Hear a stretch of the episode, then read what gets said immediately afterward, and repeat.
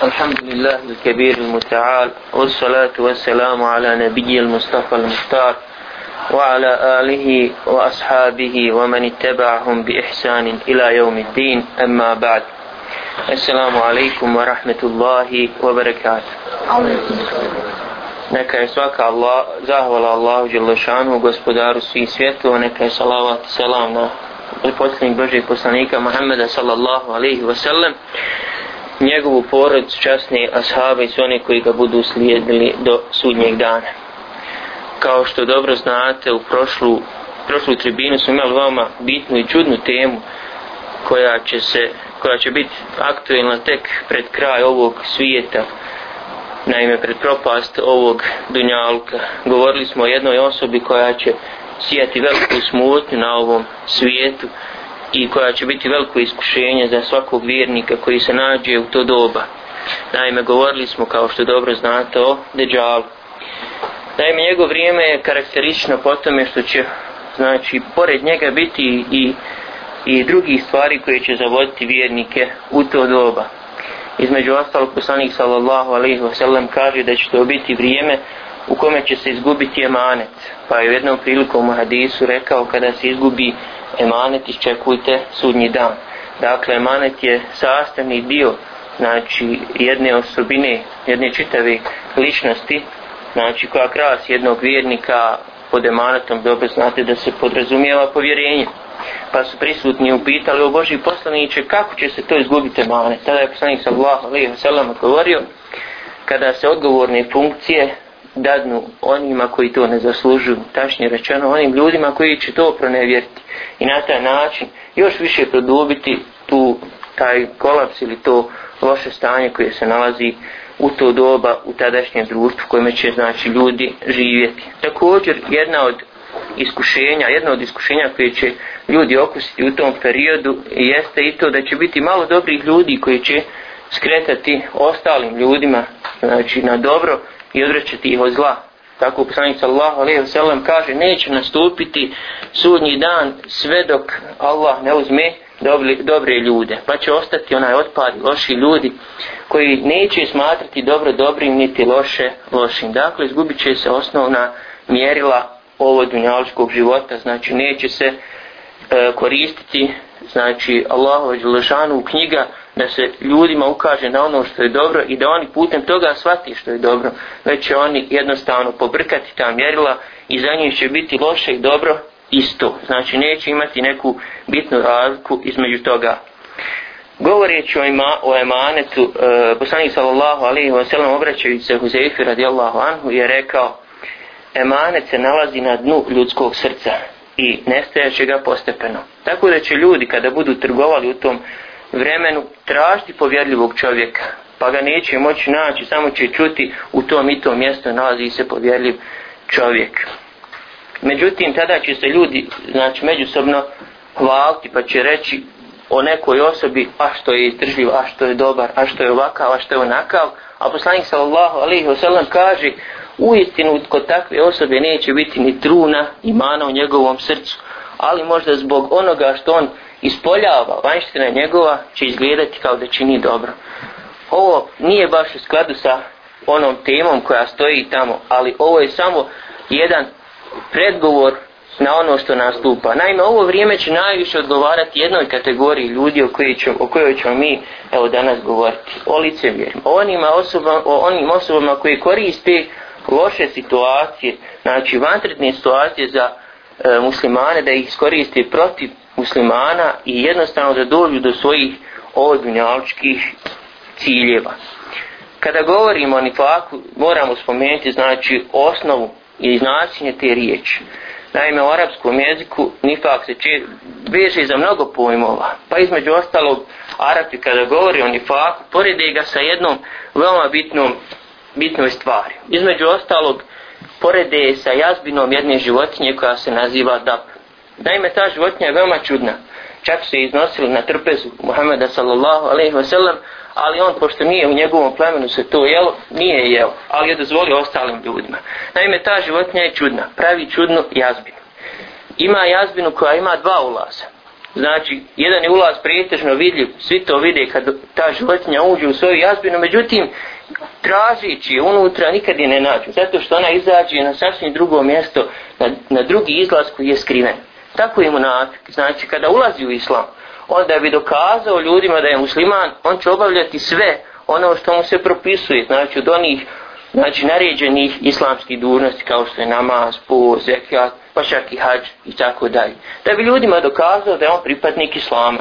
Međutim, izlazi iz tog islama kao što ova životinja izlazi iz te znači, svoje jazbine na sasvim drugi način. Znači, jedan skriven način koji mi teško možemo vidjeti koji samo Allah Đelešanuhu da zna znači svojim znači neograničenim znanjem a to je da u dubini svoje duše i srca ne vjeruju Allaha Đelešanu. Naime, poriče da mu je Allah Đelešanu gospodar, poriče da mu je Muhammed sallallahu alaihi wa sallam poslanik i poriče sve ono s čime je došao Muhammed sallallahu alaihi wa sallam, ali to neće nikada javno ispoljiti. Da bi putem tog islama, znači kojeg ispoljava vidno, došao do nekih ovodunjalčkih interesa. Na primjer, znači svako u osnovi, e, kada ulazi znači, jedan monafik u takvo vjerovanje, ima za cilj da dođe do nekog ovodunjačkog interesa. Pa ćemo između ostalog se vezati za neke ličnosti u islamu koje su veoma negativno utiča, uticale na islam. Ali prije svega morat ćemo spomenuti nekoliko znači stvari prije toga. Zašto neka osoba postaje munafikom? Kada neki neprijatelj islama vidi da ne može s polja da djeluje na islam, da ga uništi, da znači uništi njegove sljedbenike, uništi njihove svetinje muslimana, onda on nalazi jedan drugi način, da postane jedan od njih, uđe u, njeg, u njihove redove i na taj način kao tempirana bomba sve, znači, razvali. Između ostalog, ovdje ćemo spomenuti samo nekoliko stvari. Prije svega, ti ljudi imaju za cilj, znači, da putem tog svog nifaka dođu do vlasti. Da putem tog svog nifaka znači e, unište islam i muslimane. I još tu, tu se nalazi mnogi znači razlozi zbog, zbog čega oni ispoljavaju takvo vjerovanje svako će od nas može pitati zašto baš vjeruju na taj način. Znači ušli su među muslimane vidje da muslimanci znači pogotovo u duba Muhammed Ali Selama, vidjeli ga, živjeli sa njim živjeli sa sahabima i pored toga u njihovo srce nije ušao ima. Znači odgovor već nalazimo u ovoj činjenici da u njihovo srce nije ušao ima niti će kada ući jer Allah Želešanu u Kur'anu kaže Hatem Allahu ala polubihim wa ala sem'ihim wa ala absarihim i ghišavu wa lahum adabun adim Allah je zapečatio njihova srca i njihov sluh i na vid njihov stavio koprenu tako da oni sa ovodunjaličkim osjetilima neće moći vidjeti šta je to islam i okusiti njegovu ljepotu A kada Allah Želešanu zapečati nekome srce, sigurno nikad neće svjetlost imana u takvo srce doći da ga obasja. Iz toga Allah Želešanu na kraju ajeta kaže Uvele huma azabun alim. Kaže njima pripada bolna kazna. Dalje, znači u ajetima se kaže وَمِنَ النَّاسِ مَنْ يَقُولُ آمَنَّا بِاللَّهِ وَبِالْيَوْمِ الْآخِرِ وَمَا هُمْ بِمُؤْمِنِينَ Pazite, ovdje Allah Želešanu govoreći o ovim osobama kaže ima ljudi koji za sebe kažu mi vjerujemo u Allaha vjerujemo u sudnji dan ali oni u istinu nisu vjernici pogledajte početak ovog ajta Allah nije rekao ima vjernika koji kažu mi vjerujemo u Allaha i sudnji dan ali oni nisu vjernici već je rekao ima ljudi odmah na početku je negirao znači postojanje imana kod takvih ljudi zašto? zato što oni samo koriste vjeru da bi došli do određenih odunjalčkih interesa. Dalje, znači, u nastavku tih ajeta, znači, kaže se yuhadijun Allaha wallazina amanu wama jahdevuna illa anfusahum wama yash'urun. Kaže, oni nastoje da prevari Allaha, da prevari one koji vjeruju, ali ne varaju nikog drugog osim sebe ali to ne osjećaju. Zašto ne osjećaju? Zato što smo na početku spomenuli da je Allah Đelešanu zapečatio njihova srca, zapečatio njihov vid i zapečatio znači bilo što što mogu osjetiti da su na pogrešnom putu. Dalje, znači, isto tako u ajetima se kaže da, da su njihova srca oboljela fi kulubihim meredum fezadehum Allahu meraba. U istinu se u, njihovom, u njihovim srcima nalazi bolest koju Allah Đelešanu neprestano povećava. وَلَهُمْ عَذَابٌ أَلِيمٌ بِمَا كَانُوا يَكْذِبُونَ I njima pripada bolna kazna zato što lažu. Zato što iznose jedno, a skrivaju drugo. Da bi se tačnije upoznali šta znači biti munafik i koliko to šteti islamu, spomenut ćemo znači, jednu ličnost, samo jednu ličnost, jednog munafika koji je živio u doba Muhammeda sallallahu alaihi wa i koliko je njegov život i djelovanje loše uticalo na muslimane. Govorit ćemo o Abdullahu ibn Ubej. Naime, taj čovjek je živio u Medini. I poznato je da su munafici bili samo u Medini. Znači, od, prije nego što je Muhammed sallallahu alaihi wasallam preselio u Medinu, za vrijeme mekanskog perioda nije bilo munafika, jer nije Muhammed sallallahu alaihi wasallam tada imao zasebno društvo, zasebno znači uređen sistem kako bi oni kroz taj sistem djelovali. Međutim, kada je Muhammed sallallahu alaihi wasallam prešao u Medinu, ovaj čovjek koji se nadao da će dostići znači slavu i ugled među tadašnjim plemenima Hazređi, Eus i među židovskim plemenima znači izgubio je taj ugled dolaskom Muhammeda sallallahu alaihi wa sallam jer su se vrijednosti života izmijenile jer po onom što Allah Želešanu traže od vjernika je da je onaj koji je najbolji među vama znači to je onaj koji je najpobožniji Dakle, to je bilo mjerilo među tadašnjim društvom, među, među sljedbenicima Muhammeda sallallahu alaihi wa sallam. Ali taj čovjek nije bio zadovoljan time. Pa je onda, kada je vidio da su svi pripadnici njegovog plemena prihvatili islam, i on je licem vjerno ušao u islam. Ali opet nastavio da povrati to, tu neku slavu koju je očekivao. Pa prvi od osnovnih, znači, njegovih djelovanja koji su negativno utjecali na islam muslimane je u toku znači prije same bitke na Uhudu. Naime, svi znate da je Muhammed sallallahu alaihi wa sallam tom prilikom dao ashabima da odaberu. Da li da dočekaju neprijatelja u Medini ili da ga dočekaju u podnožju brda Uhud. Našto su oni koji nisu bili na bedru rekli, o Allahu, poslanići mi hoćemo da izađemo na bojno polje. Znači nismo bili na bedru, hoćemo tu da okusimo slat našeg imana, da se susretnemo sa neprijateljem. Međutim, šta se dešava? ove riječi poslanik Ali Selam odabrao znači da vodi svih tih hiljadu vojnika znači u boj da izađu u podnožje brda Uhud da se tu susretnu sa neprijateljima. I kada su bili nadomak tog samog znači bojnog polja javlja se znači izlazi na scenu ovaj munafik Abdullah ibn Ubej sa jednom tvrdnjom. Kaže zašto da ne vidim razloga da ginemo. Poslanik Ali salam ima pravo mišljenje bolje da ostanemo u Medini i da su, tu se čuvamo, jer imamo zidine okolo, znači da se tu čuvamo od neprijatelja. I na taj način polako već širi razdor među znači bojne redove koji su tada bili sačinjeni od muslimana. Šta se dešava dalje? Opravdavao je to svoju činjenicu da je nije volio što je Muhammed Ali Selam odabrao to da se susretne sa prijateljem znači na bojnom polju, već je rekao da je bolje da bude znači ta bitka unutar grada Medine. I na taj način počeo da širi smutnju i nered u muslimanskim redovima i tom prilikom za sobom povlači oko 300 vojnika, što je veoma mnogo značilo u bitci koja je kasnije prestojala. Ovo je samo jedan dio, znači koji putem koga je on nastao, znači da jer je uzdao se da će Muhammed sallallahu alejhi ve sellem izgubiti u toj bitci, biti ubijen i da će on ponovo vratiti svoj ugled u tadašnjoj Medini i postati poglavar svih arapskih plemena i židova koji su tada živjeli u Medini. Međutim, Allah Đelešanu je dao da ne bude tako. Druga stvar koju je on iskoristio jeste kada su muslimani se povlačili s jedne bitke, jedan od muhađira je znači nenamjerno udario Ensariju, pa Ensarija povikao tražeći pomoć u Ensarije tada su Ensarije znači pohrlile da pomognu svome bratu Ensari. Međutim Muhađir je opet rekao o Muhađiri, tada su i oni znači voleći svog brata Muhađira koji je napustio Meku znači zajedno sa njim da mu pomognu. Međutim kada je poslanik sallallahu alaihi wa sallam čuo to rekao je kakvi su to pokliči, poklici džahilijeta? Uistinu to što radite je odvratno i zaudara. ostavite to. Međutim, kada su čuli poslanikove riječi, bez obzira šta je bilo s njim, bez obzira kakve ste rane bile, oni su se smirili. Međutim, tu se javlja ko? Abdullah ibn Ubej koristi priliku da te muslimane koji su djelimično došli u sukob, ponovo, znači, rasplansati u vatru i dovede ih u ponovni sukob. Šta se dešava? Rekao je, e, znači, tako mi Allah, kada se vratimo u Medinu, oni koji su jači, istiraći oni koji su slabi. Aludirajući na to da će oni koji su već živjeli u Medini, tačnije rečeno Ensarije, istjerati sve muhađire koji su došli, znači da žive tu.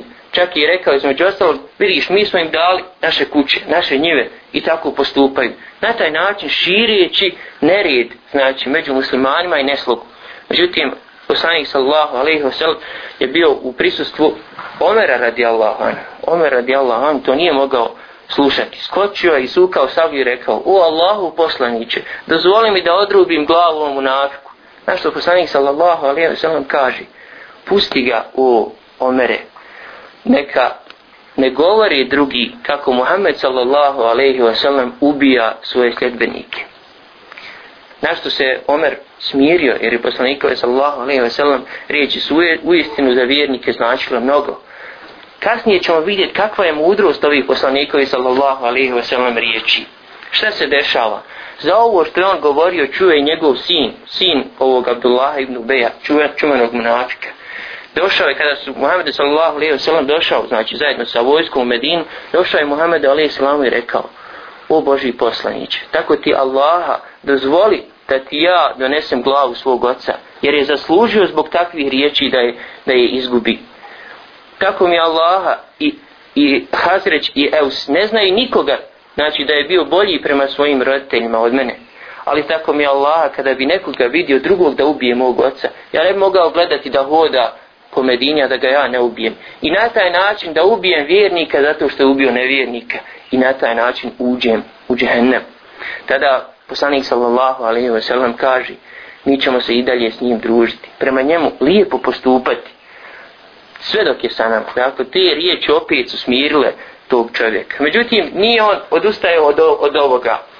Jednom prilikom je ostao u Medini pa je čuo da njegov otac zajedno sa poslanikom dolazi iz drugog pohoda ali taj čovjek nije koristio tek tako te pohode, već opet da spletkari muslimanima. Dočekuje ga sa isukanom sabljom pred medinskim kapijama i čeka ga. Kada ga je vidio, prišao mi i rekao, tako mi Allah, nećeš ući u Medinu, sve dok ti poslanik Muhammed sallallahu alaihi wa sallam ne dozvoli. Šta se dešava? Muhammed alaihi wa sallam je uvijek išao među zadnjim.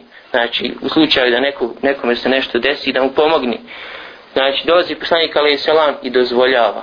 Zatim taj mladić kaže, oče, tako mi Allah, da ti poslanik Ali Selam nije dozvolio da uđeš u Medinu, sigurno nikad ne bi ušao. To je još samo jedna spletka. Druga spletka, u stvari treća, je bila kada je se do, dogodio čuveni događaj El Ifk. Vi dobro znate što, o čemu se radi. Naime, Aisha radijallahu anha jednom priliku kada se Muhammed sallallahu alejhi ve sellem zajedno sa vojskom vraćao pošto on ponekad svoje pohode vodio i svoje žene tom prilikom je bila sa njim je Aisha radijallahu anha i na jednom, na jednom mjestu su znači stalo da se odmori i ona je izašla znači radi određene fiziološke potrebe i tom prilikom kada je izašla izgubila je ogrlicu i u svom tom periodu dok je ona tražila ogrlicu vojska je znači podigla se i bio je, bilo je naređenje da se krini. ne obraćajući pažnju na nju, ljudi su samo uzeli njezinu nosilju, nosiljku i stavili je na deo. Onda se neko pita zašto baš nisu osjetili da nije bila unutra. Kažu historičari da je ona tada imala svega 14 godina i da je bila vrlo mrša, mršava i da njezino prisustvo u nosiljki i van nje nije imalo nikakve razlike. Tako da su ljudi iz tolikog imana nisu zavirivali šta se nalazi unutra. Već jednostavno samo stavili na devu i krenuli. Međutim, kada je našla to sve i ponovo se vratila na mjesto gdje je trebala da uđe u tu nosiljku, nikog nije našla. Ali je ipak znala da se neko mora vratiti po nju, pa je sjela na to mjesto, ali zbog umora od putovanja zaspala. Umeđu vremenu jedan ashab je još ranije zakasnio i po imenu Safvan i prolazio je tim putem. I kada je naišao blizu nje, zastao je i prepoznao je da je to Aisha radijallahu anha, ali će neko reći kako, jer su one bile prekrivene. Poznao je zato što je u to doba, pa znači kao djevojka, nije se nosio hijab sve dok nije Allah Želešan naredio. Pa je on nije prišao njoj do dirno je i probudio, o Aisha, ajde treba ići. Niti je rekao, Aisha, ona ustani. Već je rekao, poznate kuranske riječi, inna lillahi wa inna ilaihi rađu. I non stop to naglas ponavljao kako bi se ona probudila. Međutim, kada je ona osjetila da je neku prisustvu, probudila se i prekrila svoje lice, tako je on postupio sa njom. postupio na najčišći način, doveo, znači, devu u blizinu nje, naredio joj da legne, zatim se odmaknuo dok je ona uzješila, prišao i poveo devu. Znači, nije bilo čak ni razgovore između njih, a kamo li šta više. Međutim, kada se vraća u Medinu, znači, tu je glavna stvar koju koriste monafici. Kada su vidjeli njih dvoje da se vraćaju sami, tada monafici opet počinju da kuju svoje planove i zavjere i laži šire po Medinu, nastojeći da okrive Aishu radijallahu anha, znači jednu od majki pravovjernih da je učinila preljubu. Međutim, Aisha nije ništa znala jer se nije družila sa ljudima. Odmah je ušla znači, u svoje odaje i tu proboravila oko 20 dana u bolest jer je od silnog putovanja i razbolila se. Do jedne prilike nije saznala dok nije izašla jednom prilikom znači u polje sa jednom ženom koja je slučajno nagazivši na svoju odjeću počela da kori sina, pošto je bila ljuta, pa je ona rekla, majko, nemoj tako koriti čovjeka koji je boravio na bedru. Ma ne korim ja njega zbog toga zato što, što, mi se, što je takav i takav i zato što govori to i to. Tom prilikom je saznala o čemu se radi.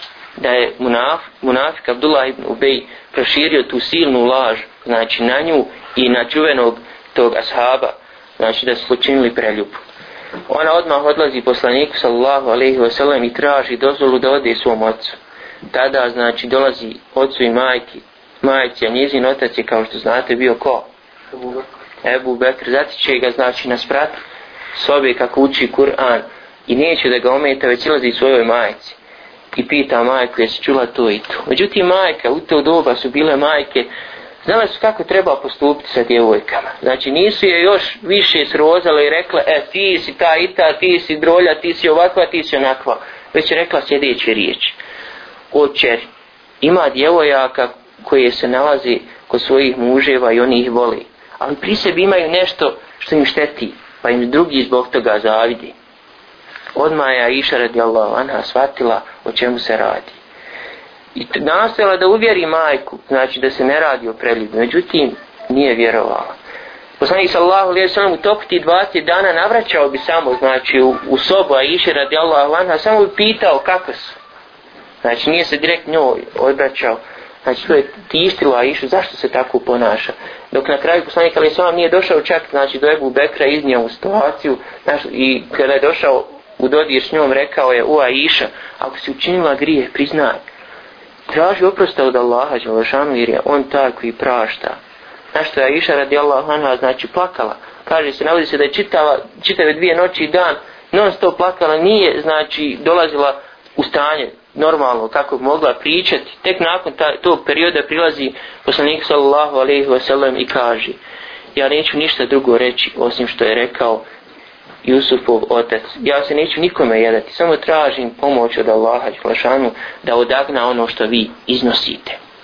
Nije prošlo samo mali period, Allah Đelešanu je poslao svoju objavu. Na to dolazi poslanik sallallahu alaihi wasallam prilazi, znači Aisha i kaže, u Aisha, Allah je uistinu potvrdio da si ti čista i potvrdio tvoju vjernost. Naime, u ajtu se kaže, ima onih koji između vas iznose potvor Nemojte misliti da je to loše po vas. To je dobro po vas. Svakoga onoga koji, koji je učinio takvo zlo, širio tu potvoru, čeka određena kazna. A onoga koji je bio naj, znači žešći u širenju toga, čeka bolna kazna na drugom svijetu. Ali pogledajte, kao što smo rekli u onoj životinji, dab. Svi oni koji su širili ovu vijest bili su kažnjeni po 80 udaraca bićem, osim ovog čuvenog munafika, Abdullah ibn Ubeja, jer se on sakrio jednu rupu iz koje je izašao neprimjetno. Šta se dešava? Poslanik sallallahu alaihi wa sallam nakon, ovi, znači, nakon ovoga što se desilo, prilazi Omeru radijallahu anhu i kaže U Omere šta radi Ibn Ubej? Šta radi taj Abdullah Ibn Ubej?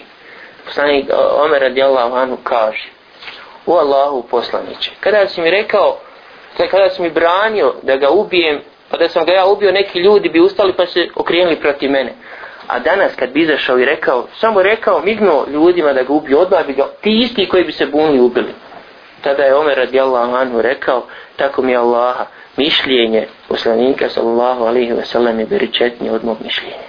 Dakle, došlo je vrijeme da su ljudi uvidjeli ko su to munafici, možda je bio hikmet u tome, da se prepoznaju, da se vide te osnovne odlike munafika i da ljudi mogu prepoznati druge munafike koji se kasnije nađu u društvu. Međutim, sa nestankom ovog čovjeka ne, ne nestaje i ni pak, već se on dalje širi kroz islamsku historiju. Nakon smrti Muhammeda sallallahu alaihi wa sallam pojavljuje se drugi veliki munafik, a vi dobro znate ko je to židov koji licemjerno prihvata islam, Abdullah ibn Sebe. Naime, ovo, djelovanjem ovog munafika, islam, znači sljedbenici Muhammeda sallallahu alaihi wa sallam, dijeli se na dvije frakcije, na sunije i šije. Ali ovaj munafik, pošto je bio židov, nastoje da, znači, naudi muslimanima, ali nije nikako mogao, već je prišao na jedan veoma čudan način. Prihvatio islam i počeo da uzdiže vrijednost porodice Muhammeda sallallahu alaihi wa sallam govoreći da su oni najplemenitiji, najbolji ljudi u, u njihovo vrijeme, što nije bilo znači nikakve sumnje. Ali s druge strane, počeo je da baca ljagu na Ebu Bekra i Omera, govoreći o njima da su veliki zulomčari time što su Ali radijallahu anhu oduzeli hilafet ili on trebao biti prvi halifa. I od tog momenta muslimani dan danas sunije i šije su znači u neprestanom sukobu. A između ostalog, od tog njegovog djelovanja javljao se i druga akidetska svatanja koja, negativna, koja su negativne, nemaju nikakve osnove u islamu, čak odvode u nevjerstvu, a javljaju se kod današnjih rapidija ili šija. Također, treba ovdje spomenuti još nekoliko stvari e, vezanih za nifak. U većini slučajeva nifak o kome smo govorili odnosi se na veliki nifak. Naime, islamski učenjaci dijeli nifak na dvije stvari. Na veliki nifak i mali nifak. Veliki nifak je onaj koji čovjek ima u svom srcu. Dakle, ne vjeruju Allah, porči poslanika, smatra ga lašce, dok, to, dok vanjštinom to ne potvrđuje. To je veliki nifak koji izvodi čovjeka iz Islama i uvodi ga u dno džehennema. Jer Allah Đelšanu kaže innal munafiqina fi darkil asfal minan nar. U istinu će munafici biti znači, na dnu džehennema. Međutim, pored ovog postoji i mali nifak. Ali, da bi znali šta je to mali nifak, pogledat ćemo u hadis poslanika sallallahu alaihi wa sallam u kome on opisuje ko je to munafik. Tako poslanik sallallahu alaihi wa sallam kaže ako se kod neke osobe nađu četiri stvari, on je čisti munafik. Međutim, ako se nađe jedna od te četiri stvari, ima svojstvo munafika. Dakle, nije munafik koji će izaći odmah iz islama. Pa tako psanik sallahu alaihi wa sallam opisujući ove stvari, četiri stvari traži pomoć opet od vas da vidimo koje su to četiri stvari. Prva stvar je psanik sallahu alaihi wa sallam rekao šta? Kad govori laži. I da hade se keda. Kaže, dobro, ićemo redom. Kaže, kada nešto govori laži. Naime, laž kod munafika je osnovno oružje protiv muslimana. Putem laži unose se razne smutnje znači, u islamsko društvo i na taj način se optužuju iskreni Allahu i Želešanu robovi, kao što se desilo sa Išom radi Allahvana, kao što se desilo danas sa mnogom braćom koja se možda borila na Allahovom put, ali zato što munafci ne mogu gledati da se Islam širi na onaj način kakav treba, optužuju razne ljude raznim stvarima i na taj način ljudi završavaju tamo gdje ne treba. Stoga ta laž može biti na Allaha, na poslanika, na vjernike i na ostale ljude. Tako Allah Jelšanu kaže وَمَنْ عَظْلَمُ مِمَّنْ اِفْتَرَا عَلَى اللَّهِ الْكَدِ Kaže ima li ikoga da veći zulum čini od onoga koji nanosi laži na Allaha Jelšanu. A psani sallahu alaihi wa sallam kaže Men kezebe alaije muta'amiden fel je tebeva maq'adamu minan nar. A onaj ko svjesno slaži na mene neka pripremi sebi mjesto u džahennemu. Stoga treba onaj koji tumači hadise dobro da povede računa kako to radi. Znači mora dobro da pročita taj hadis. Možda nesvjesno, znači zasluže ovu kaznu, ali poslanik ali sam kaže ko svjesno slaži na meni. Međutim, kada čovjek počne da iskrivljeno tumači određeni ajet ili u stvari hadis, to mu kasnije postane kao da je to baš tako i nastoji znači da, da potvrdi to svoje neznanje, ali iz, ne, iz tog neznanja može daleko da zaglavi. Također, kao drugu stvar šta smo rekli, ne, znači i da to mi ne, Han, kaže kada mu se nešto povjeri, on iznevjeri. Tako Allah Đelšanu kaže, vola tahunu emanatiku. Vi nemojte iznevjeriti vaša povjerenja. Kao što smo rekli, znači u početku, emaneta je sve manje i manje, a najmanje će ga biti pred sudnji dan. Stoga jedna od glavnih odlika kojima, koju, koja treba da krasi vjernika je manet. Dakle, ta stvar, znači, e, moramo povesti o njoj više računa. Dalje, treća osobina, treća osobina je i da ahede gader. Kaže, ako nešto uđe u neki sporazum, znači, prekrši ga stoga Allah Želešanu kaže وَأَوْفُوا بِعْهْدِ اللَّهِ دَاهَتُمْ kaže i nastojite da ispunite ugovor Allahova ako ste se već obavezali dakle mnogo je ljudi koji prihvate na sebe nešto ali u pozadini znaju da nisu za to ali ipak radi neke udunjaločke korici leti za tim međutim na, na tim znači stepenicama se brzo pada jer čovjek nije spreman da ponese toliki teret i kada ga to pritisne možda će nešto kad pada izvući sa sobom ali uvijek će mu govoriti što si uzao ono što ti ne priliči i zadnja stvar je a, i da hasame e, feđer. kaže kada se raspravlja kada polemiše s drugima nema nikakvih granica ne koristi nemaju znači nikakve sprege za njega da, da bi bacio ljagu na vjernike, koristi razne izraze, razne optužbe, pa čak i sprema znači na sudu da, da se raspravlja i pomogne onoga koji čini zulum, a da pritom znači ne pomogne onome kome je načinjeno nasilje. Ovdje još treba spomenuti još nekoliko osobina.